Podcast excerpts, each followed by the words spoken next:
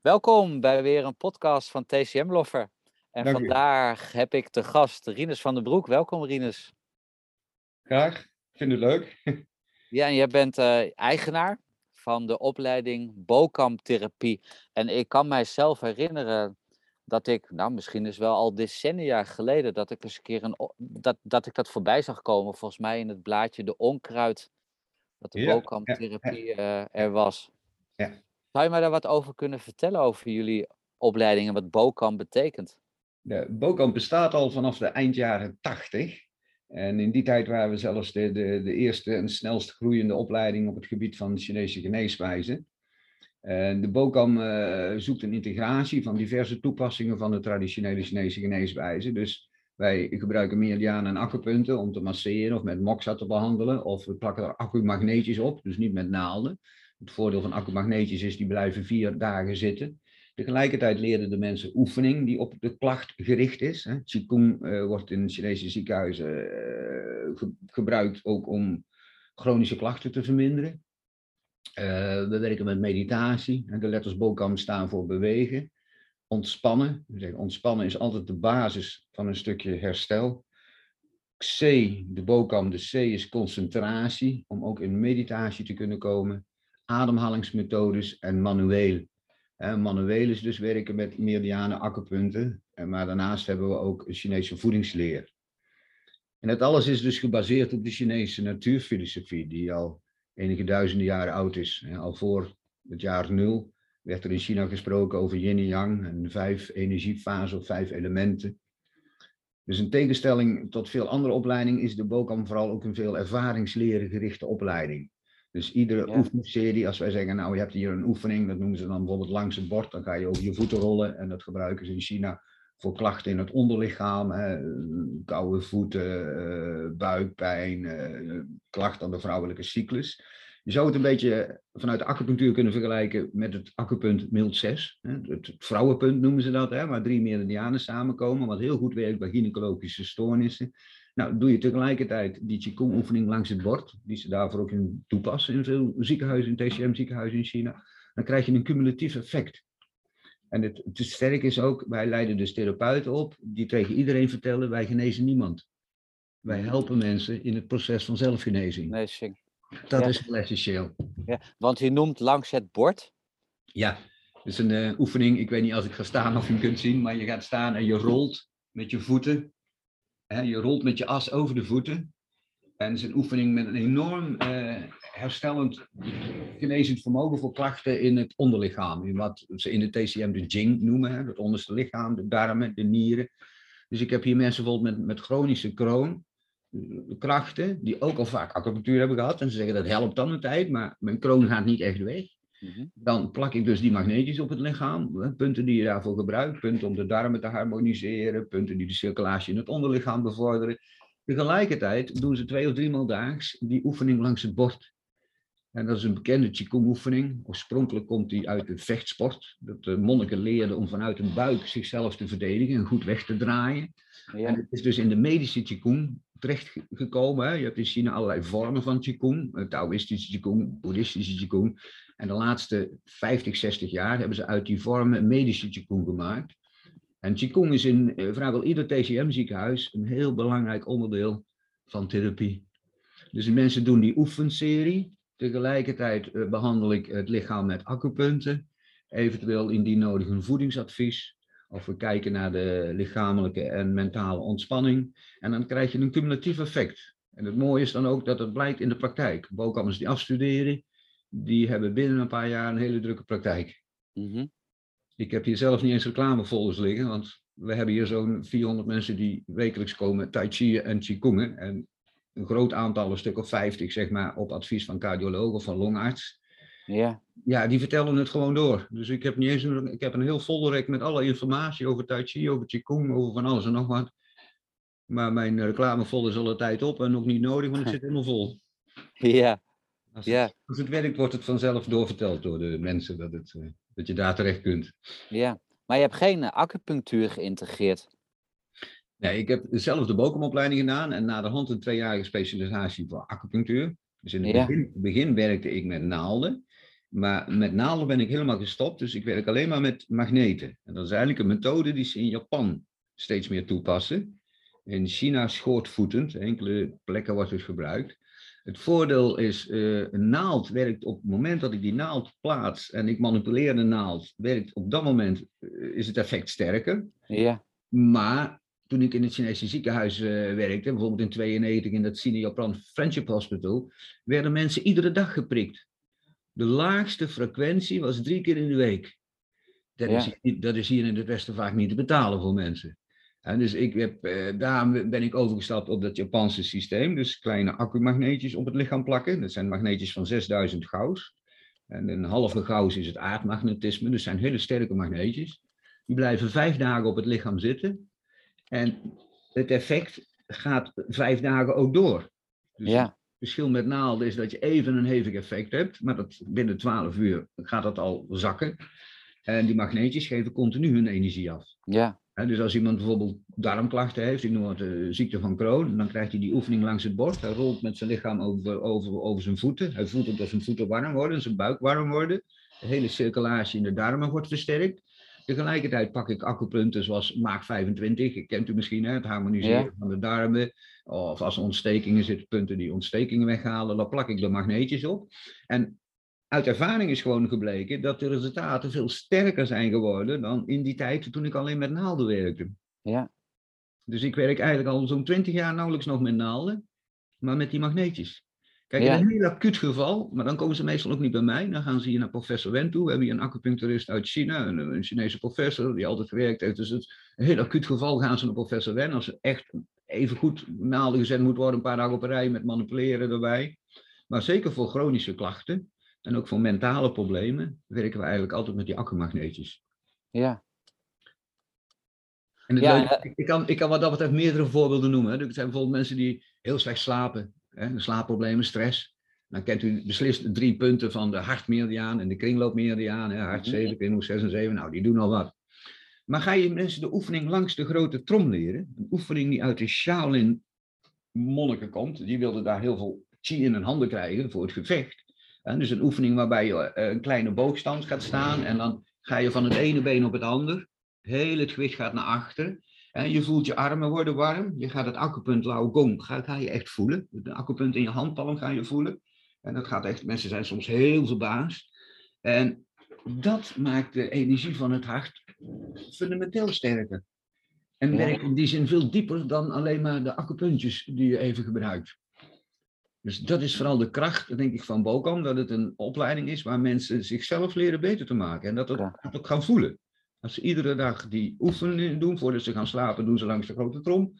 Wij kunnen garanderen, binnen een week gaan die mensen beter slapen. En het mooie is dat ze ontdekken, ik heb het zelf gedaan. Ja. Dus de, de relatie tussen bewust bewegen, wat dat kan doen met allerlei gezondheidsproblemen. En Ja. ik, zelf ben ik 40 jaar geleden heb ik in de Lappenmand gezeten. Ik was opbouwwerker, cultureel werker. In de tijd na de oliecrisis. Mensen van mijn leeftijd weten dat misschien nog, die tegen de 70 lopen, dat er een oliecrisis was in Nederland. Er werden overal opbouwwerkers en cultureel werkers ontslaan. En ik, had, eh, ik kwam terecht op een post waar voorheen vier beroepskrachten werkten. Dus ik moest maatschappelijk werk doen, bejaardenwerk, cultureel werk. En dat resulteerde in vier jaar werk. Ik had diabetes 2. Door alle stress, zware rugklachten opgelopen. Heel op Ja. leegte. Altijd moe. En toen dacht ik, hier moet ik mee stoppen. En toen ben ik via een kennis in aanraking gebracht met Tai Chi Chuan, Chinese bewegingsleer. En dat veranderde al heel veel. En binnen een paar maanden ben ik zelf de opleiding gaan doen, de Bokum-opleiding. Ik zat toen in Roosendaal, onder beheer van Ruud Westerkamp, een bekende man op dit terrein in eh, Nederland. En binnen drie, vier maanden heb ik mijn medicijnen voor diabetes weggegooid en nooit meer nodig gehad. Ja. En mijn rug duurde iets langer, maar een jaar later was mijn rug sterk. En ik ben uiteindelijk heb ik een centrum op kunnen gaan zetten met eh, zo'n 400, 500 mensen die wekelijks komen sporten. Met eh, zo'n eh, 40 mensen die ieder jaar aan het eerste jaar opleiding starten. En heel veel afgestudeerden in Nederland die fulltime eh, het Bokan beroep uit, eh, uitvoeren. Oefenen. Ja. Ja, als coach, als therapeut. Maar ook voor UWV of eh, er zijn ook bokammers werken in verslavingsklinieken. Het is heel breed. Ja. Ja, nu vertelde jij dat je in 1992, als ik het Ja, goed heb, ja, dat. Je in, eh, dat je in China bent geweest. Ik ben dan wel even benieuwd, hè? want je vertelt dan, ja goed, wij zijn van acupunctuur overgestapt naar magneetjes. Ja, ja, ja. ja. En als je dan, ja, misschien weet jij dat, ik, ik ben nog niet in China geweest. Um, hoe zit het daar dan met de verhouding naalden?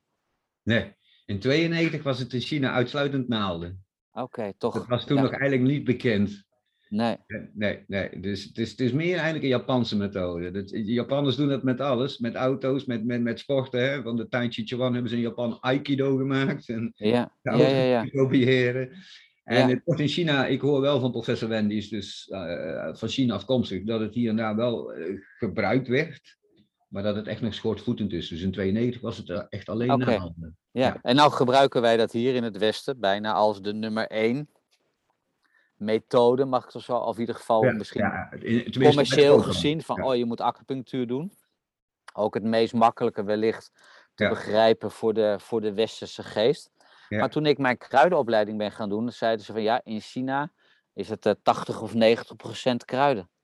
Klopt. Deze, als je kijkt naar de, de, de, de waardering zeg maar, van de verschillende onderdelen van de TCM, dan uh, werd mij verteld in het Sino-Japan Friendship Hospitaal, voeding en kruiden staat eigenlijk bovenaan. Ja. En tegelijk met Qigong, dat uh, noemden ze ook uh, bewust je lichaam voeden. wij werden, sommige mensen van ons werden beschuldigd van anorexia. Nu ben ik zelf een heel mager type met 62 kilo, dus dat vond ik heel raar om te horen. Er ja. zaten ook wat dikkere dames bij, dus die begrepen het al beter.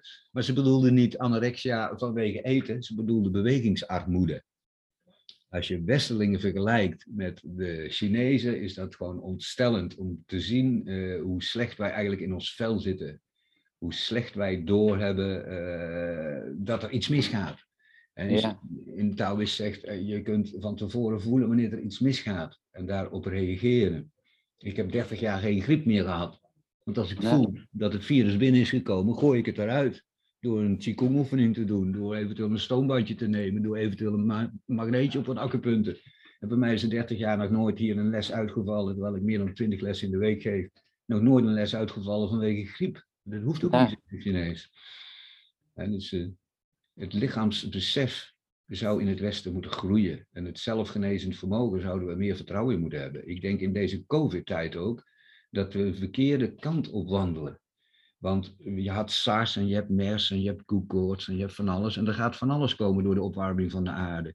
Is dan de weg dat we steeds meer injecties en steeds meer medicatie en steeds meer spuiten gaan zetten? Of is het de weg dat we de mensen leren hun weerstand sterk te maken? Ja. Zou deze regering bijvoorbeeld, ik noem maar wat, yoga en qigong niet moeten gaan subsidiëren? En, en dat mensen kunnen zwemmen. Want zwemmen is ook bewezen dat het een enorme goede sport voor je gezondheid is. Als je dagelijks een half uurtje kunt zwemmen. Ja. Dat, ze dus, dat ze dus in gaan zetten op de preventie. En het sterker maken van de weerstand van mensen. In plaats van de enigste methode die ze nu zien is een injectie erin stoppen. Ja, ja, ja. ja maar het lijkt wel een beetje. Maar dan moet je even zeggen of ik dat, of ik dat goed heb gelezen. Um, Qigong bestaat ook al heel lang in China. En ze zijn op een gegeven moment, heb ik zo, uh, zag ik in de literatuur, zijn ze verdreven naar de bergen en het, het, moest weg. Toen heeft Mao het in die zin weer teruggehaald. En toen zag hij op een gegeven moment van wow, dit geeft veel te veel individualiteit en persoonskracht en ontwikkeling. En toen heeft hij het weer verbannen. Klopt dat een beetje met wat ik zeg nee, nee, of niet? Klopt, klopt, niet helemaal. Ik denk als je daar een heel goed beeld van wilt hebben, dan zou je het beste boek De Levende Religie van professor Schipper kunnen uh, lezen. Dat is een Nederlandse professor, ook in Japan of in uh, uh, Frankrijk in de, op de Sorbonne, dacht ik, les heeft gegeven. Een historicus. Die heeft een fantastisch boek geschreven. Dat heet De Levende Religie van China. Professor Schipper. Okay. Kijk, ja. het is, Qigong was vroeger, werd alleen gebruikt door de adel en door bepaalde families die het van vader op zoon doorgaven. En in die tijd werden die wel eens de onsterfelijke genoemd. Het is bekend ja. bijvoorbeeld hè, van uh, de familie Shen, die een Yang Tai Chi vorm heeft gemaakt. Ik weet Shen die een Yang. Maar goed, die hebben een Tai Chi vorm ontwikkeld vroeger en die is bekend geworden op de wereld. Maar in eerste, eerste eeuwen gaf die familie dat alleen maar aan elkaar door. Het was zoiets, wij gooien de, onze, onze diamanten, onze parels niet voor de zwijnen. We houden het zelf wat wij weten. En in die tijd werd die familie, bijvoorbeeld, die leefde in het Honangebergte. tussen de 80 en 100 jaar oud werden die mensen. In een, in een tijd dat in China de gemiddelde leeftijd 48 jaar was. Ja. Dus die werden ook wel eens de onsterfelijke genoemd, de Qigong-meesters. Ja. Ik denk dat het daar vandaan kwam, omdat ze twee keer zo oud werden dan de gemiddelde andere mensen. Maar Qigong is na de oorlog juist door Mao in heel China verspreid geraakt. Alle westerse artsen op 36 na, die waren gevlucht voor het communisme. Die waren allemaal met Chiang Kai-shek mee naar Taiwan gegaan. Die Ja. wilden niks meer met het communistische China te maken hebben. En als je mensen een revolutie wilt laten slagen, dan beloof je de mensen meer eten en meer gezondheid. Anders lukt je revolutie niet. Nee. Dus noodgedwongen, en dat noemen ze de blote voetendoktersysteem. In sommige landen leren ze dat nog als je medicijnen gaat studeren. Ja. Heeft, heeft Mao duizenden mensen bij elkaar gehaald. En de zogenaamde Qi-meesters, of mensen die is, wisten van Qigong, wisten van de Chinese natuurfilosofie, van verwarmend eten in koude gebieden. En verkoelend eten als er veel hitte is. Hè? Dus leren te werken met yin en yang, met die, die natuurwetten. Met de drie krachten, de vijf elementen met yin en yang. Die blote voetendakkers hebben dat over China verspreid. Bijvoorbeeld in Noord-China heerst er net zoveel reuma als nu in Noord-Europa. Reuma is een veel voorkomende ziekte. Dat was in Noord-China ook zo. Die Ja. die gingen naar het noorden van China en die leerden mensen daar dat ze verwarmend moeten eten in de ochtend. Zodat de nieren verwarmd worden. Die leerden ze Qigong oefeningen om de nieren te verwarmen, zoals langs het bord en andere oefeningen. En dat heeft ervoor gezorgd dat reuma in de noordelijke provincies van China vrijwel is uitgeroeid. De, Ja. In 92 in het ziekenhuis in het Siniapan Friendship Hospital zeiden de specialist, ook reuma hoeft helemaal niet. En wat zie je dan weer een rare westerse reactie? Eh, 40 jaar geleden of 30 jaar geleden eh, ging ik mijn bedrijf inschrijven bij de Kamer van Koophandel. Daar zegt zo'n mevrouw, gaat u ook kruiden verkopen? Want Chinese kruiden vind ik schandalig. Dat moest verboden worden. Ja. Ik zeg, waarom mevrouw? Nou, zegt ze, ik heb shampoo one gebruikt. Dat werd toen de tijd door Lisbeth List op de tv aan, eh, aangeprezen voor reuma. Er staat zelfs een stempel op van het Nationaal Reumafonds. En ik ben shampoo gaan gebruiken en ik heb een week amper kunnen lopen van de pijn. Ja. Dat is toch schandalig? Dan zeg ik, ja, mevrouw, shampoo wordt in China als een kruid gezien voor reuma als je die 's winters hebt. Maar u heeft waarschijnlijk alleen maar zomerspijn. Ja, dat klopt, zegt ze. Als het heel warm wordt, dan krijg ik pijn. Ja. Ja. Ja. Ja, en dan gebruikt u een kruid wat meer warmte in uw lichaam stopt. Want dat wordt gebruikt voor mensen die 's winters reuma hebben. Ja. Ja, maar hoe kan dat dan, zegt ze. Er staat een stempel op van het Nationaal Reumafonds. Ik zeg, dan moet u de Chinezen niet kwalijk nemen. Ja. Dat moeten de mensen hier kwalijk nemen die op zijn westers denken, één kruid is voor alles geschikt. U heeft kruiden gestudeerd. U weet hoe diep de diagnose moet zijn om de juiste kruiden te kunnen samenstellen voor ja. een cliënt. En dan zet hier gewoon een Reuma Stichting zet gewoon een stencil op, goedgekeurd door het Reumafonds. En iedereen gaat dat kruid gebruiken en die mevrouw kon niet meer lopen van de pijn. Nee. heeft alleen maar zomersreuma. Hè? Dat is slechts 5% van alle reuma's, maar dat kan ook. Ja. Ja. Dan moet je goed, eh, goed differentiëren. Ja. hey, nou ben jij, ja, nou gebruik jij heel veel voorbeelden. Nou, Mhm. weet jij misschien ook wel van dat Maguang, dat dat, hè, Ephedra, dat dat in België werd gebruikt en dat dat helemaal mis is gegaan. Ja, dat is me niet echt bekend. Dat, nee. oh, dat is, nee, nee, nee, nee, nee, nee, nee. het. nee, nee. nee, nee, want ik, eh, ja, dat heb ik ooit eens een keer te horen gekregen. Dat dat, eh, maar ja, goed, dat werd puur gebruikt en dat ging natuurlijk ook helemaal mis. Ja. Want dat veroorzaakt op een gegeven moment ook nierfalen. Ja, ja, ja. Vandaar dat dat helemaal, eh, nou goed, een verboden, een verboden kruid is geworden. Ja. Ik heb er eigenlijk alleen maar goede ervaringen mee. We hebben hier dus ook een, een, een therapeut, een, een dochter van die professor Wen, eh, mevrouw Lingling, die Ja. kruiden heeft gedaan en kruiden voorschrijft. We hebben ik begeleid verschillende mensen met kanker, dus hele zware ziektes, eh, longkanker, lymfeklierkanker. Als ze bijvoorbeeld bij de chemo de, de kruiden gebruiken, dan merk ik dat deze mensen niet doodziek worden, niet doodmoe worden, de energie vasthouden, in veel Ja. gevallen zelfs de haren eh, niet verliezen. Dus die, die samenwerking is heel sterk. Ja. dat belangrijk is. Ik zal nooit tegen een kankerpatiënt zeggen, je moet alternatieve methoden gaan gebruiken. Je moet Qigong gaan doen en eh, dan komt het wel goed en ik plak wat magneetjes. Dat is natuurlijk larikoek en zou verschrikkelijk zijn als iemand zo ermee omgaat. Ik zeg, je gaat na, in overleg met je specialist. Gaan we samen aan de slag. Ja, Dat geldt eigenlijk voor alle ziektes. Als iemand Parkinson heeft, als iemand Crohn heeft, ze zeggen altijd, in overleg met je specialist. Kijken als je vooruit gaat of we medicijnen kunnen afbouwen. Ja. altijd. Ja. ja. hey, nu hebben we eigenlijk, hè, want Bokam zei je, stond voor bewegen, ontspannen en concentratie en ademtherapie, manuele therapie. Nou rijst bij mij de vraag, nou kennen we hier in het Westen kennen we ook andere vormen van ademtherapie. Hè, mensen, mensen gaan uh, liggen uh, goed, en gaan verschillende vormen van uh, neusademhalingen doen uit de yoga. Ja, bij ons is de, de, de, diagnose dus de, en de filosofie begrijpen is heel belangrijk. Als je niet echt goed kunt leven met de begrippen yin en yang, uh, kun je ook niet de juiste ademhaling of de juiste therapie voorschrijven. Ik weet niet zo goed hoe ik het moet uitleggen. In 92 zat ik bij de intake, ochtends, in dat ziekenhuis. Mocht ik een paar uur iedere ochtend bij de intake zitten. Er werd een mevrouw opgenomen en ik vroeg aan de vertaler, kijk nou eens, waarom wordt die mevrouw opgenomen? Want ze lijkt me zo gezond. Die vertaler kijkt op het formuliertje en die zegt, die mevrouw wordt opgenomen omdat ze koude voeten heeft. Ik zeg, pardon? Koude voeten? Kijkt u nog eens? Ja, cold feet, zegt hij. Die mevrouw wordt op het formulier wordt ingevuld, want ze heeft koude voeten. Ik moest daar een beetje om lachen. Die arts die zag dat ik als westerling daar een beetje om zat te lachen. En wij waren de eerste westerse groep in dat prestigieuze ziekenhuis. Dus ze wilden ons echt uh, imponeren. Dus die stopte met zijn behandeling. En die zei meteen, wordt dat bij u thuis niet serieus genomen, koude voeten? Ik zeg, als je met koude voeten naar een dokter gaat, stuurt hij je weg. En hij zegt dat je een warme kruik in bed moet leggen en dan is het klaar. Hij zegt, maar als u koude voeten niet serieus neemt, dan is het orgaan wat het laagst ligt in uw lichaam, de nieren, het yin-orgaan, ook te koud. Ja. Het hart ligt ook, maar de nieren liggen het laagste. Het diepliggend orgaan, de spierklomp, de yin-organen zeggen we dan. Zoals het hart voor de bloedvaten zorgt, zo zorgt de nieren voor de botten en de gewrichten. Komt bij u reuma dan niet veel voor? vroeg u. Als u koude voeten niet serieus neemt. Dan moest ik zeggen, dat komt heel veel voor in Europa. Ja. Neemt alleen maar toe reuma en Ja, en dan ja. niet alleen zegt hij, met koude voeten is de circulatie in je onderlichaam niet goed. Zijn er geen gynaecologische problemen bij de dames? Ik zeg, nou, als ze geen kinderen meer hoeven te krijgen, wordt dat gewoon uitgehaald. Dus ja, problemen valt dan wel mee. En dan niet alleen zegt hij, als er onder te weinig energie is, staat er meer druk op de bloedvaten of op het hart, vanuitgaande dat je energie 100% is.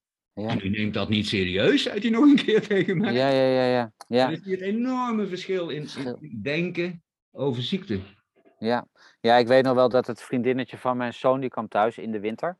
En die had ook van die enkelsokjes. En toen was het uh, min 3, min 4. en, dan, en dan hebben ze van die uh, driekwart uh, broeken aan. En dan enkelsokjes aan en die knieën. Dus ik sta echt zo verbaasd te kijken van, van wat heb jij nou? Hè? Of die dames op de scooter in de winter. Hè? Met die... Met die Oh ja, met die navelpiercing, ja, met dat beetje dat met die halve, halve shirtjes. Ik weet even niet hoe dat heet professor Wen, dat is een Chinese professor die met een Hollandse zakenman in China heeft ontmoet en hier is komen werken bij mij. Die was in het begin helemaal in paniek. Die kwam regelmatig het kantoor opgerend van Urinus, Urinus, erg, erg. Wat, wat, is er aan de hand, mevrouw? En dan bedoelde ze dat ze in de winter zag ze een, een meisje op een scooter met nog een blote streep hier zo, weet je wel. Ja, ja, ja, ja. Oeh, zegt ze straks, straks ziek. Uh, ja. ziek, ziek, straks vijf jaar, tien jaar, dan ziek, zegt ze. Ja, of ze kunnen geen kinderen krijgen of dat soort dingen. hè? Dat is, uh... ja, ja, ja. Hey, bewegen, ontspannen en dan, en dan een stukje concentratie wat dan samen gaat. Dat bewegen, dat, dat is een beetje waar we het net over gehad hebben, hè? Over, de, over de Qigong oefeningen. Ja, het is een meditatievorm in beweging eigenlijk. Hè. Je leert in de beweging leer je energie te sturen naar lichaamsdelen, naar je voeten toe, hè, naar nieren 1, het, het bronpunt, het akkerpunt in de voet of naar je handpalm. Als je oefeningen voor de Shen doet, voel je ook dat het boven gaat circuleren, de warmte gaat stromen. Als je oefening voor de Jing doet, voel je dat je onderlichaam warm wordt.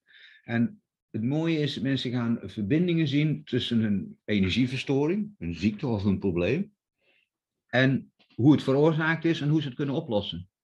Ja. Dat is het, de kracht die wij van Bokam zeggen. Daarom zeggen we, wij genezen niemand. We helpen mensen om inzicht te krijgen in de oorzaak van hun problemen en te zorgen dat ze het zelf op kunnen lossen met voeding, met beweging, met meditatie, met adem, met wat nodig is. Ja. Dat is de kracht. Ja. ja. En als je dus naar een Bokam-therapeut, zeg maar een afgestudeerde Bokam-therapeut, die stuurt jou dus met huiswerk naar huis. Absoluut. Absoluut. Als je zegt, ik wil alleen maar een paar naaldjes in mijn lijf of een paar magneetjes geplakt hebben of uh, dat u me een keertje lekker masseert, dan zeggen we, bent u niet op het juiste adres. En dan moeten we ergens anders naartoe gaan, want u moet uzelf beter maken. U bent verantwoordelijk voor uw eigen gezondheid. En na de therapie is niet alleen de klacht verminderd, maar je hebt ook duidelijk inzicht gekregen wat is de oorzaak ervan. Ja. Dus wij leggen de mensen het systeem bijvoorbeeld van de vijf energiefasen, de Wuxing, leggen we ook uit. Er komt een mevrouw die ondanks bloedverdunners nog een paar keer een hartaanval heeft gehad. En wij doen dan een heel uitgebreid onderzoek. Daar starten we altijd mee. Dat noemen we een body-mind check-up. Duurt meer dan twee uur. Ja. En dan uh, zeggen wij tegen die mevrouw, mevrouw, het ligt aan uw nieren. En dan zegt ze, hoe kan dat nou? Hoe kunnen mijn hartprobleem aan mijn nieren liggen? En mijn cardioloog heeft nog nooit naar mijn nieren gekeken. En dan leggen we dat uit. Hoe het water het vuur controleert. Hoe nieren belangrijk zijn om ook het hart onder controle te houden. Ja. En zo, het is één voorbeeld, maar zo zou ik tientallen voorbeelden kunnen noemen. En dan krijgt die mevrouw oefeningen. Of ze moet s'avonds een warm voetbad nemen. Of ze moet in bed de voeten van zich afduwen voor ze gaat slapen, zodat die nieren eventjes gestimuleerd worden. Ze krijgt allerlei, vaak ook eenvoudige dingen. Dat is niet altijd uren, uren oefenen, maar soms maar een paar keer tien minuutjes per dag iets doen.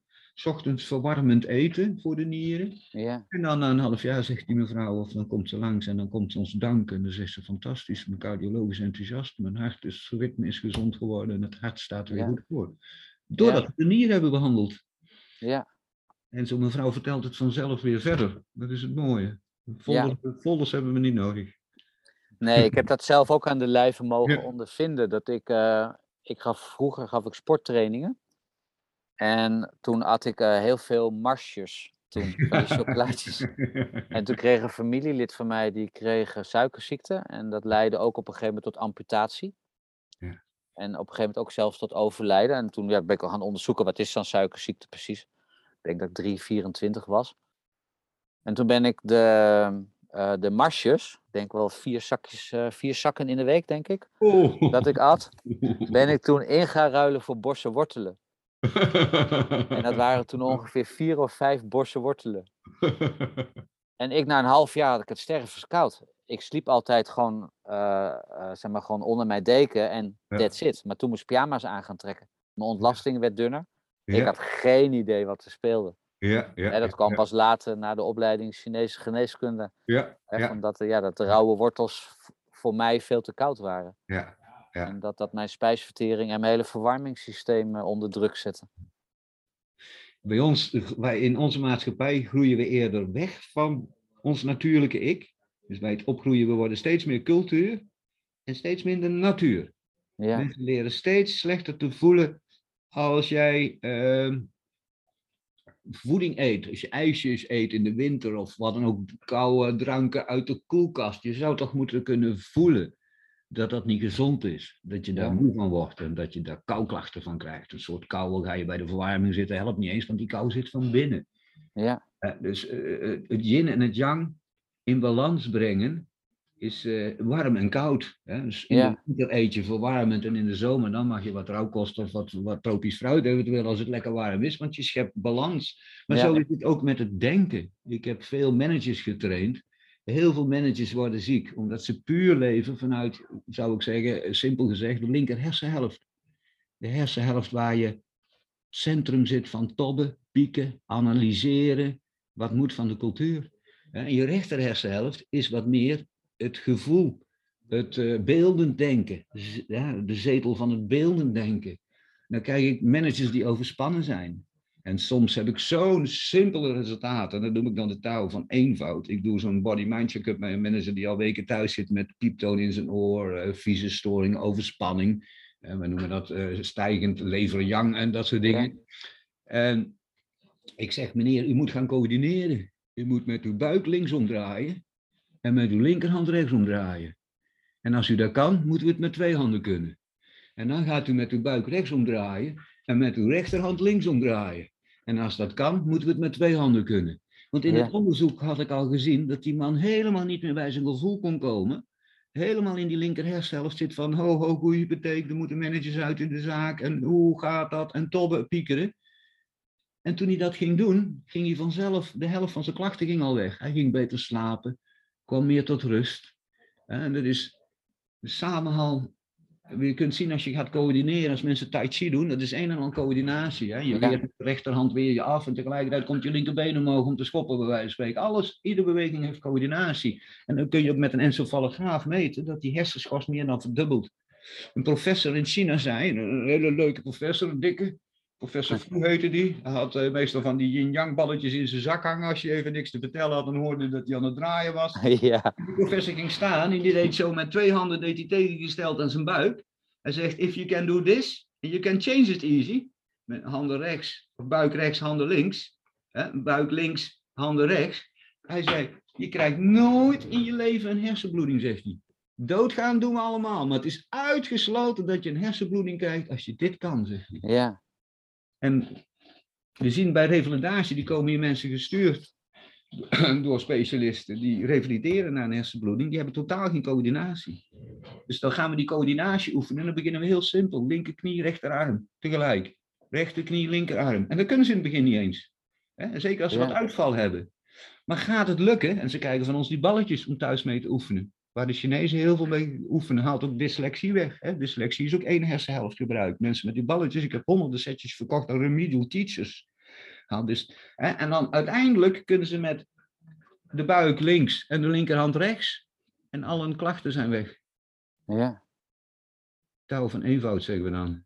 Ja, Maar wel heel belangrijk. Moet wel, je Ja, moet het wel doen. Je moet het wel doen. Je kunt er niet alleen over praten en over denken. Die mensen moeten het doen. En als ze het doen, dan zeggen wij heel snel, u bent hier niet op de juiste plaats. Stop ermee, want zo kost het u alleen maar geld. U wilt gemasseerd worden of u wilt wat aandacht.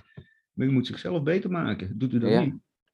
Dan kunt u beter eh, naar een andere dokter gaan. ja. Maar je zou ook zo, hè, want deze vraag, eh, hè, die had ik in het begin van jou, eh, toen je dit begon te vertellen. Als dan een cliënt komt, want een cliënt kan ook helemaal vastgegroeid zitten met bepaalde conditioneringen. En als je dan bij een therapeut komt, dan zou je natuurlijk ook kijken of je hem daar los van kan maken. de, kan, de kunst zeggen we altijd om de mensen te triggeren op het gevoel en stapje voor stapje te helpen eh, de goede kant op te lopen. En ik, ik kan me herinneren, de, ik, ik, had een- een- ja, het was nog een geestelijke ook, die dronk wat iedere dag een fles whisky. Was zwaar alcoholist Ja, en eh, wou daar niks aan doen om zijn klachten te verhelpen. En nou, dan heb ik op een gegeven moment gezegd, dan is het niet zo zinvol dat u hier doorgaat. nee. Ja, dus ik bedoel, ja, iemand die, eh, die zegt, nou, ik wil 's ochtends echt eh, als eerste een banaantje. ja, En koude pak, bak yoghurt. en dan, Ja, en dan pak ik een paar kiwis met yoghurt en daar doe ik wat muesli in. En ik vind dat heel gezond. Ja, weet ik hem uit te leggen waarom dat niet gezond is. Dat die banaantjes en die kiwis in een heel warm klimaat groeien. Hè? Omdat ik Ja. zelf ooit in de woestijn ben geweest, en dan eet je de hele week alleen maar fruit en rauwkost, want je kunt geen biefstukken binnenkrijgen. Hè? Dus ik leg hem dat uit, dat hij dat kan voelen. Dat hij dat ook in zijn lichaam kan voelen. Maar als hij vast wil houden aan zijn patroon van, ja, ik blijf die halve fles whisky iedere dag drinken, of ik blijf 's ochtends banaantjes met kiwis eten, ja, dan zeg ik al vrij snel, dan kunt u beter naar een andere therapeut gaan. Want u wilt uzelf niet in balans brengen. Wij geloven dat als er balans komt tussen yin en yang, dat uw klachten minder worden en dat u uiteindelijk weer gezond kunt worden. Als u dat niet wil, dan houdt het toch op. ja, ja, We houden mensen Ja. het lijntje. Dus. Maar we hebben ook Nee. sporters die bij ons het onderzoek doen. Patrick Kluivert, de bekende sporter, de oude Patrick Kluivert. Aha. Je hebt ook de jongen ook die voetbalt, maar die oude die kwam bij ons hier eh, eh, therapie doen. Jan Raas, een wiel- wielrenner van vroeger, nou niet meer zo bekend denk ik, maar is ooit een bekende wielrenner geweest. Die heb ik in therapie gehad. Dus ja, ook voor topsporters hetzelfde. Als je een uitgebreid onderzoek doet, wij noemen dat een body-mind check-up, dan zie je wel wat, welke eh, de zwakke schakel is. Dan maak je de zwakste schakel sterker, dan groeit iemand over de hele linie. ja. Ja, maar ik denk wel dat het heel belangrijk is in wat je zegt, dat een cliënt ehm, zelf ook die verandering moet willen en Ja. integreren in zijn leven, want anders blijft die ziekmakende factor Ja. steeds aanwezig. Ja. Ik, maar dat kan soms ook wel heel lastig zijn. Ik had, ik had eens een keer een, een mevrouw en dan eh, heel kort door de bocht gezegd, bleek de zieke, ziekmakende factor haar huwelijk te zijn. Maar ze wilde niet uit het huwelijk om hem, hè, want ze, ja, maar goed, ze werd angstig en goed, hè, met vragen van wie ben ik en, en ja, die wilde daar niet in. Hè, die was bang voor dat, dat, dat het ging breken. Dus die koos daarvoor Ehm, nou goed om, dat, goed, om dat proces niet aan te gaan. Ik zeg het even heel kort samengevat van een jaar of van twee jaar dat die mevrouw bij mij is geweest. Ja. Ja, soms heb je ook gewoon tijd nodig, denk ik, als cliënt om inzicht te krijgen en om processen aan te gaan en veranderingen. Ja, ja wij zeggen, wij, wij doen noodhulp als therapeut en fundamentele hulp. Fundamentele hulp zeggen we is wat de cliënt zelf gaat doen aan verandering van gedrag. Uh, eerder naar bed of op tijd uh, niet ochtends in bed liggen of verwarmend ontbijt of gaan oefenen. En de noodhulp is wat, wat de therapeut doet. En dat is dus het behandelen bijvoorbeeld van acupunten of het masseren van, uh, van, van het lichaam. Ja. En als je, ook al zit de persoon in een hele moeilijke situatie, ik heb eens ooit een cliënt gehad die uh, heel erg onder druk stond en dat, dat kon ook niet anders. Moest voor drie kinderen zorgen, zijn vrouw was overleden en ja, gaan we door. Op allerlei manieren stond hij enorm onder druk. Wat we dan toch nog wel kunnen doen, is iemand uh, een soort basispakket aan vaardigheden meegeven, zodat hij bijvoorbeeld goed kan leren te slapen. En dat hij wel een goede nachtrust heeft dat hij leert om bepaalde momenten van take a break noemen wij dat. Dat hij leert in zijn spanningsveld toch genoeg ruimte te maken dat hij eventjes een half uurtje kan gaan zwemmen of kan gaan wandelen of hè, dat hij op een dag zo'n rustmomenten pakt. Dus we kunnen hem in die zin wel wat begeleiden om toch, hè, in, in, jouw geval de mevrouw die in een verkeerd huwelijk zit, ja, het enigste mogelijk is dan denk ik haarzelf sterk maken Hè? Dus zorgen dat ze stevig op aarde komt te staan. En uh, je kunt moeilijk zeggen, ja, je moet die man verlaten, want dat gaat een beetje buiten. Nou, zou, ja, elkaar eigen. dat kan je niet maken, denk ik. Dat zou ze ook Waarschijnlijk komt ze dan ook niet meer terug. ja. Ja, ja want, maar dat zie je, hè, je vertelt ook net over de, over de alcoholist. Soms is het denk ik ook als therapeut goed om in te schatten dat, je, nou, dat het, een, het probleem zo zwaar is dat iemand dan beter naar een afkikcentrum kan gaan. Ja, ja, dat is ook. Ja, dat is ook. Ja. En als hij daar dan, hè, dat hij daarna eventueel weer terugkomt om de onderliggende oorzaken ja. Ja. aan te gaan. Dat was wel heel leuk. We hadden in het verslavingscentrum hadden we op een gegeven moment drie boken, afgestudeerde bokammers werken. En de een werkte als masseur, de ander werkte als bewegingsdocent en de ander was autogene training. En ze hadden alle drie dezelfde opleiding gedaan. Ja. Ja, breed inzetbaar dus. Ja, Dezelfde ja. verslavingskliniek als uh, Oorschot, een privékliniek. Ja. ja. Nu is het um, modern momenteel, althans ik noem het modern, om in, een, uh, om in koud water te springen. Ik weet even niet meer die ademhalingstherapeut. Ja, ja, ja, ja, ik, uh... ik, ik, ik, ken hem goed, de IJsman, want ik ben hem al een paar keer tegengekomen. Ja. Ik heb bijvoorbeeld een aantal lezingen gegeven voor het uh, Utopia, een tv-club van uh, Talpa toen. Ik weet niet of je dat kende. Dat werd gefilmd, zo'n groep in huis. En dat werd dan gefilmd en uh, die ja. bleven wekenlang bij elkaar in huis. Nou, dan hadden ze bijvoorbeeld de IJsman uitgenodigd. En dan hadden ze mij uitgenodigd. Dan hadden ze, iedere paar dagen hadden ze daar een, een soort evenement. En dat kwam dan ook vaak op televisie over, over dat programma. En de IJsman en mij hebben ze allebei een keertje teruggevraagd. Zo heb ik ooit een, le lezingscyclus voor Interpolis personeel. Uh, uit Zuid-Nederland. En die hadden yoga, die hadden zen, die hadden, het was uh, een programma Fit for Life voor Interpolis of zoiets. Ja. Die hadden ook de IJsman uitgenodigd en mij uitgenodigd. En de IJsman en mij hadden ze allebei nog een keertje terug laten komen. Dus ik hoor ja. Die, die, die, die, IJsman naam uh, regelmatig. Chinees gezien heb ik er mijn vraagtekens bij. Ja. Ik heb zelf heel lang in koud water gezwommen, maar dan moet je het wel volhouden en je lichaam eraan gewend zijn en genoeg verwarmende energie naar binnen halen om die balans te scheppen. Maar ik denk dat het ook voor heel veel mensen gevaarlijk is die niet zo'n groot lichaamsbesef hebben en niet doorhebben dat als ze in koud water zijn gesprongen en ze doen het nog een keer, want IJsman zegt fantastisch, en ze beginnen langzaam zeurende onderrugpijn te krijgen. Ja. Ik denk dan niet dat ze de link gaan leggen met nierenleegte veroorzaken. Ja. Die extreme kou bijvoorbeeld. Dat nee. niet. En daar ben ik dus wel, ik ben dus bang dat mensen wel leegte bij zichzelf creëren. Creëren, ja, met eventueel pijn in de knieën en dat soort dingen. Ja. Maar we hebben dan wel vaak zo het idee van, uh, ah, we gaan onze, onze afweer boosten. We beginnen met koud afdouchen. Ja. Daar zou ik eventueel nog wel wat in kunnen vinden. Althans, ik, maar ja, het, het lukt mezelf niet, zou ik heel eerlijk zeggen. En daarna gaan ze de koude plomp in op. Hè? Dat je denkt van wow, dat moet je wel dan ten eerste naar je eigen constitutie kijken. Ja. Ja. Het moment. Want ik denk, nou ja, als, als een vrouw dat zou doen en ze is net eh, ongesteld en je springt er dan in. Ja, ja, ja, denk ik, wow, dat, dat, ja, dat kan nog wel eens wat. eh, ja. Ja, en dat kan krachtig even pas later uitkomen. Hè? Als, als je een bepaalde Q, een, een leegte creëert, ja, dat kan er pas later uitkomen. En dan leggen ze die verbanden niet meer met wat ze toen deden. Hè, die, die mevrouw, dat meisje wat met de blote, in, in- op de scootertje midden in de winter met de blote dingen, dat staat heel stoer. Maar professor Wen zegt ook, dat kan drie of vier of vijf jaar duren. Voordat ze uiteindelijk eh, bijvoorbeeld een hernia heeft. Of, of, of, of hè, dat het, eh, die, die, die leegte eruit komt. Maar wat is dat boost-effect dan? Ja, als je de koude zee inspringt, wauw. Dat ja, resoneert, het water resoneert en dan bam, en die kou. de circulatie wordt ineens enorm versterkt. Ja, dus ik doe wel iedere ochtend koud afdouchen. En vroeger ging ik inderdaad tot in december eh, hier in plassen rondom de stad gewoon zwemmen. Maar goed, ik ben nu 66 en wat zachter voor mezelf geworden. En wat voorzichtiger. Dus nu doe ik Ja. alleen maar koud afdouchen. Maar als ik s ochtends niet koud afdouche, dan heb ik een uur later nooit het idee alsof ik een beetje half slaap.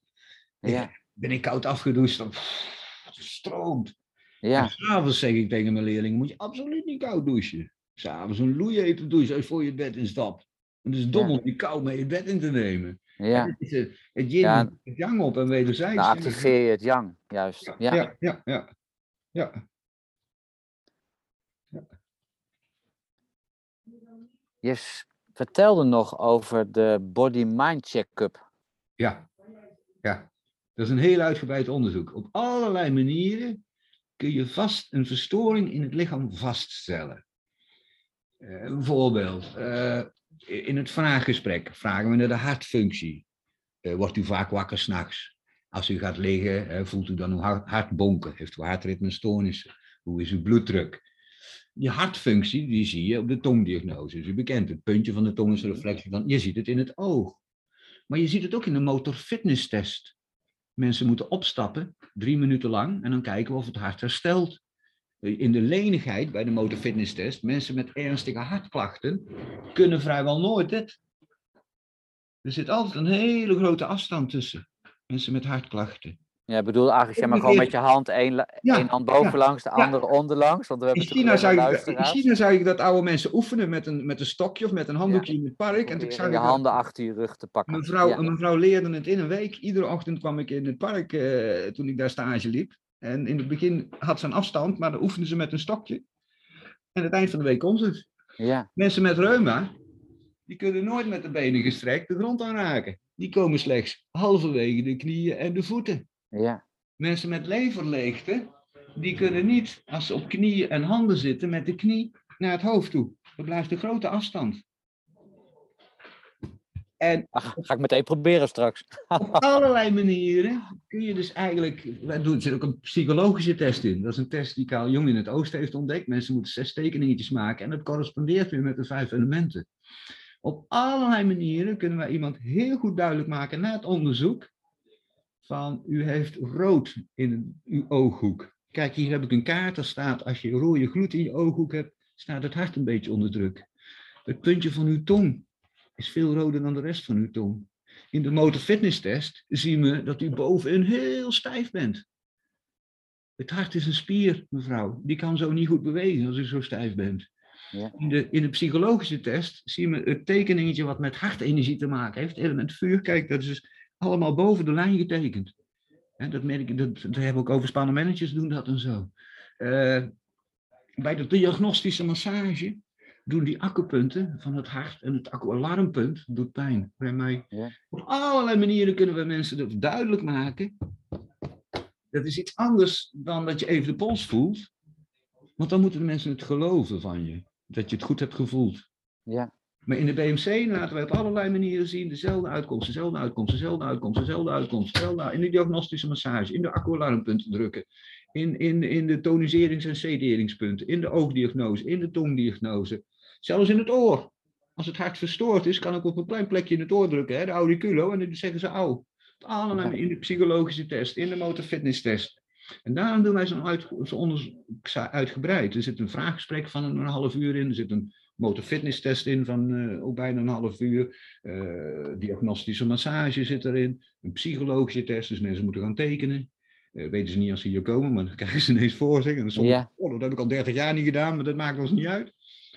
En op het eind pakken we alles bij elkaar, maak je een vijf elementenkaart en dan zie je heel duidelijk wat oorzaak en gevolg is. En dat kunnen we dan ook heel goed aan de cliënt laten zien. We hebben nog nooit gehad dat een cliënt later zegt van nou, dat is laripoek. Dat, dat, dat is nee. onmogelijk. Nee, nee, nee. Ze ja. herkennen het heel goed ook. Ze zeggen, oh ja, dus vandaar. Als ik bij iemand leverlicht uh, constateer, uh, ik noem wat, het toniseringspunt lever 8 doet heel veel pijn, een teken dat de lever waarschijnlijk leeg is dan weet ik dat die mevrouw waarschijnlijk ook visumstoringen heeft als ze naar een witte muur kijkt, dat er dingetjes meedrijven. Ja. En ik weet dat ze stijf is, hè, want de lever voedt de pezen, dus een spierkapsel. Um, ja, met de, met de psychologische test kan ik zo wel zeggen welk tekeningetje. Eigenlijk de symbooltjes die erin staan niet goed gebruikt zijn. Dat is een test die Jong ooit heeft ontdekt, een psychologische test. Dus ik kan op allerlei manieren kan ik het hard maken, zeg maar. Ja, en hebben jullie dat zo zelf gevormd, deze diagnostische methode? Of is die meegelift? Vanuit, mijn, uh, mijn leraar is Ruud Westerkamp, die al in uh, de jaren 80 in China, uh, Sino-Japan Friendship ook, ook lang stage heeft gelopen. Bij Dr. Shikyong Tao ook heel lang is geweest. En die heeft eigenlijk de BOKAM toen opgezet, dat geïntegreerd systeem van het, uh, het, het sociale, het fysieke en het mentale als een eenheid zien in de therapie en in de diagnose. En dat systeem hebben wij van hem overgenomen, zeg maar. Mooi, ja. Ja. ja. Hij is ook uh, via de NEN-commissie Nederland is hij ook naar de ISO uh, geweest in Chengdu en in Japan. Heeft hij namens Nederland ook in de ISO-commissie voor de TCM wereldwijd heeft hij een paar lezingen gehouden en zo. Een hele bijzondere man, maar die is helaas vorig jaar plotsklaps overleden. Oh ja, ja. Nooit ziek, nooit problemen. En ineens bij de bloedmaan, dat was volle maan, bloedmaan, is die s'nachts vertrokken. Ja. Wij begrijpen het niet zo goed, maar hij was super gezond, nooit ziek en enorme energie ook. Ja. ja. Dat is ook al zo'n leuk verschil met het Westen, hè? het spelen met energie. Wat ik mee heb gemaakt in China, ja, dat, dat verbond. Ik kan me voorstellen dat mensen daar helemaal van overdonderd raken. Ik kom s'avonds in 92 aan in het park, smid namiddag, en met 35 en zeven collega's die wilden met mij nog eventjes naar het parkje ernaast het hotel gaan. En ik vraag daar aan een jonge gast van, uh, ik heb zo'n 10.000 kilometer of nog meer gereisd. Kun jij mij eens iemand zoeken die mij laat voelen wat chi is? Want daar kom ik hier voor, om te bestuderen. Die zei, wat, wat, kom je hier dan doen? Ik zei, nou, ik kan aan de overkant, kom ik in het ziekenhuis werken daar. En dat zien je op Flensburg. Maar ik wil hier nu, ik ben net gearriveerd collega's en ik willen wel eens weten, wat is het zie? Kun jij mij daar... Oh, zegt hij, dan kan ik je wel laten voelen. Wacht maar, zegt hij. Hij komt terug na een minuut of tien met een oude man. En bijna niemand sprak nog Engels daar. Hij zegt, ik zal vertalen. En die oude man, je moet gewoon voor hem gaan staan. En het was zo'n graad of twaalf, elf, twaalf, fris. Die man gaat voor me staan, die houdt zijn hand op. En je zult het niet geloven, Owen, maar binnen een paar minuten, ik begin te zweten, joh. Alsof ik echt in, in, een sauna stond van 80 graden. ja, ja, het liep over mijn rug. Ja. Omdat ze daar nog geen westelingen hadden gezien. Dat hele park was uitgestroomd. Er stonden echt een paar honderd mensen omheen. En die oude man brabbelde wat. En toen zag ik dat die mensen uit elkaar gingen. Dus ze maakten een soort straatje open. En toen vertelde hij weer wat. En degene die Engels kon, die zei tegen mij... Je moet terug uitlopen tot waar je zijn chi nog kunt voelen. En ik loop een meter of drie naar achter. En ineens sta ik in die koude avondlucht. Ja zweet droogt op. En ik loop nu voor en ik sta weer in zijn chi. Als je een saunadeur open doet, loop je tegen in zo'n warme ja, ja. Die muur ja. hij met zijn hand, werkelijk. En ik was echt, ik had al van alles gestudeerd. Mijn leraar kon ook hele bijzondere dingen laten voelen. Zo op je handen en zo. En allerlei, ik had van alles al. Ik stond open, zou ik maar zeggen. Hè? De parachute was open. Dus ik zou niet. Maar ik was hartstikke geschokt. En ik werd zelfs een beetje bang. Ik denk, wat een rare, waar, waar, daar moet ik geen ruzie mee krijgen met, met, met die wel. Wat is die nou toch allemaal aan het doen? Dus ik zei, ik denk, ik zal me respect tonen. Dus ik zei, this must be a team master. Die Engelsman die vertaalt dat. En tientallen mensen die er omheen stonden begonnen te lachen. Ik zeg, why are they laughing? This is not a team master, zegt die, die Engelsman. Dit kunnen duizenden mensen hier. Ja. Morgen ga je in het Sino Japan Friendship Hospital werken. Daar heb je masseurs. die de mensen van kanker, van tumor in het hoofd genezen, zonder aan te raken. Hij zegt, dat zijn team masters. Maar dit, dit is heel gewoon, zegt hij. Ja, ja. Nou, ik wist niet, ik zat in mijn hotelkamer echt van, waarom weet ik hier niks van? Ik heb twee hbo-opleidingen in mijn leven gedaan. Ik dacht een ontwikkeld mens te zijn. Ik dacht alles te weten. ja. En waar ik hiermee geconfronteerd word, wat is dit? En dat is het, denk ik, wij werken in het Westen niet meer met gevoel. Alles is steeds meer die linker hersenhelft, analytisch, analytisch, cijfers, covid, cijfers, alles is... En luisteren naar je lichaam. Ik geef les bij Ericsson in Rijen, 15 jaar lang op de vloer. Een, eh, ik weet niet of je nog tijd hebt. Een telecom- Ja. telecommunicatiebedrijf. Daar geven wij 's ochtends Qigong. De bedrijfsarts die doet mee. Eh, Frank Moret heette die. Inmiddels zijn we een paar jaar gestopt daar. Heel enthousiast. Want na een jaar kon hij aan de directie aantonen dat door onze komst de RSI-klachten 65% minder waren in het bedrijf. Ja. Spaarden ze veel geld. Heel enthousiast. Ja. En wat wil ik nou vertellen, ben ik even de draad kwijt. Die techneuten daar, die UMTS-systemen ontwikkelden, waren soms, kregen bijna psychische problemen door wat ze gingen voelen in de handen. Ik heb alles ingepakt, want we deden dat gewoon in de kantines morgens, hè, dat een muziekje ingepakt. Ik loop naar de gang en dan staat er bij de gang staat zo'n man, zo'n zo'n zo'n hoge pief op het UMTS-systeem, die staat met zijn handen en die zegt, wat is dit? Met, met wilde ogen kijkt hij me aan, het was de eerste keer dat hij kwam. Ja. Wat is dit? Het is net of er iets tussen mijn handen zit. Ik zeg, meneer, dat is energie die komt uit uw handen, uit uw lichaam, uit een akkerpunt. Ik ben energie-expert, zegt u. Het lichaam geeft geen energie af. Ik zeg, ja, dan moet u toch uw perceptie, denk ik, veranderen, want u voelt het toch heel duidelijk. Ja, ja. En dan loop je weer door, Ja. dan zie je dat soort dingen. En de bedrijfsarts was zo enthousiast, hij zei, kom maar eens helpen. Ik heb weer vier nieuwe klanten die klagen over pijn in de arm. Hij zei, beneden in de kelder heb ik mijn praktijk, wil jij ze eens eventjes eh, te woord staan? Die eerste komt binnen, een kerel van een jaar 34, hij kijkt me aan en zegt, jij bent zo'n alternatieve therapeut, hè? Nou, het zal wel weer spanning zijn bij jullie, want dat is jullie oplossing altijd. Maar dat wil ik niet horen, dat vind ik een dooddoener. Ja. Niet de oplossing, zegt die spanning. Ik ben helemaal niet gespannen. Ik zeg, Oké, meneer, ik wil, ik wil toch even uw schouder voelen. Dus ik pak zo zijn arm vast. Ik weet niet of je het kunt zien. Ja, ja. Ik pak zo zijn arm vast en ik ga ermee draaien. Ik zeg, als ik hem loslaat, dan valt hij, hè. Want je moet hem ontspannen houden. Dus ik liet hem los en die arm bleef zo staan. Ja. Aan de spanning. Dus hij kijkt naar mij, hij kijkt naar zijn arm, hij kijkt weer naar mij. Hij zou ook toch gespannen zijn. Ik zeg, ja. ik spuit je oorgaten uit. Hè? Ik bedoel, zo slecht zitten wij in ons Ja. wel zijn jongen gelooft dat hij helemaal niet gespannen is. En Ja. zijn arm nog niet eens loslaten. Ja, we voelen het niet meer, hè? We voelen niet meer. Nee, Nee. dat is de kern, denk ik. Ja. Nee, nee, ik was vanochtend was ik ook aan het wandelen in het bos. En dan zeg ik ook tegen mijn vrouw van, goh, ik voel dat ik met mijn schouders iets opgetrokken loop. Ja. Hè? En dat je dat dan loslaat en Ja. denkt van, wow, hè, time to relax. Om het maar zo Ja, even ja, ja. Ja. Ja. Ik zeg tegen mijn leerlingen wel, ga maar eens op een zaterdagmiddag in de winkelstraat kijken hoeveel mensen, want ze hebben geld en ze hebben tijd, anders heb je daar eigenlijk weinig te zoeken. Dus ze zouden ontspannen moeten zijn. Maar kijk maar eens hoeveel mensen inderdaad die schouders wat vasthouden. ja, het gewoon vierkant wordt. Ja, Ja, dat ze gewoon niet doorhebben dat ze helemaal vastzit bovenin. ja, ja. Ja. hey, dankjewel voor dit hele mooie gesprek.